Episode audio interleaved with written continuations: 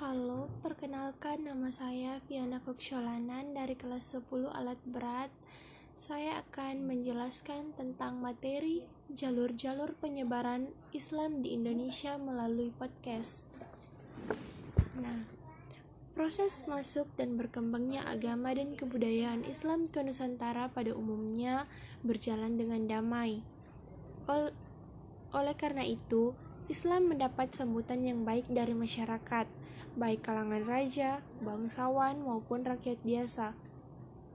Hal tersebut didukung faktor-faktor sebagai berikut. Syarat memeluk Islam sangat mudah, cukup dengan mengucap kalimat syahadat. Tata cara peribadatan Islam sederhana, tidak perlu persiapan yang rumit. Islam tidak mengenal pelapisan sosial seperti halnya agama Hindu dan sistem kastanya, tidak heran orang Nusantara apalagi yang berasal dari golongan bawah secara ekonomi dan sosial mudah menerima agama ini.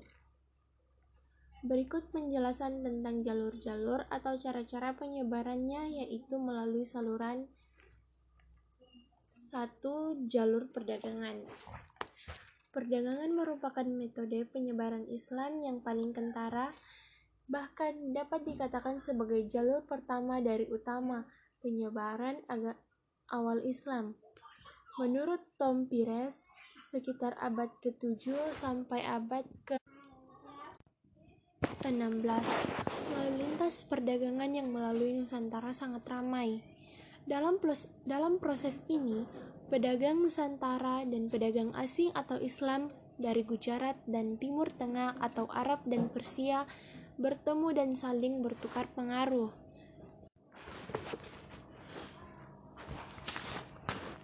Sementara itu, karakteristik kultur pesisir yang mudah menerima serta terbuka terhadap hal-hal baru merupakan faktor lain yang memudahkan penyebaran agama dalam kebudayaan dan kebudayaan Islam.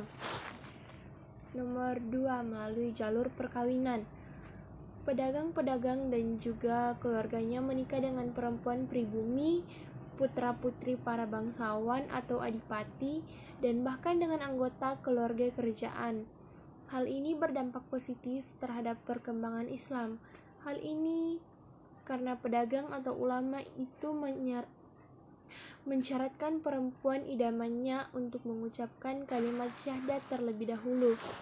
Anak-anak hasil pernikahan itu pun cenderung mengikuti agama Islam, agama yang dianut orang tuanya.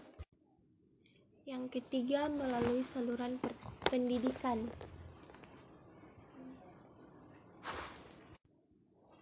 Perkembangan Islam yang semakin luas, meluas mendorong munculnya para ulama dan mubalik. Mereka menyebarkan Islam melalui pendidikan dan mendirikan pondok pesantren di berbagai daerah. Di pondok-pondok pesantren, kaum muda atau santri dari berbagai daerah dan kalangan menimba pengetahuan tentang Islam. Mereka lalu kembali ke daerah asal dan menyebarkan ajaran-ajaran tentang Islam.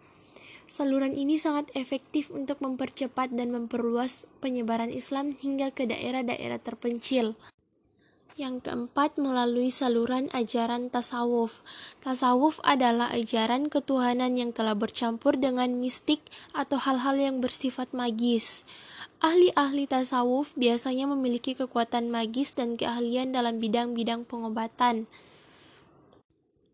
Ajaran ini mudah berkembang, terutama di Jawa, karena ajaran Islam melalui tasawuf disesuaikan dengan pola pikir masyarakat yang masih ber berorientasi agama Hindu. Kemudian melalui saluran dakwah, penyebaran Islam tidak dapat dilepaskan dari peranan para wali. Ada sembilan wali yang menyebarkan Islam dan cara berdak berdakwah, yang disebut juga wali songo mereka dikenal telah memiliki ilmu serta penghayatan yang tinggi terhadap agama Islam.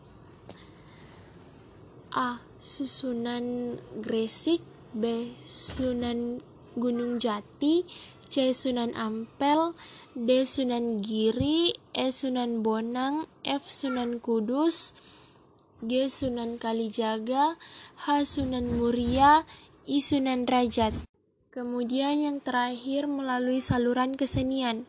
Agama Islam juga disebarkan melalui kesenian.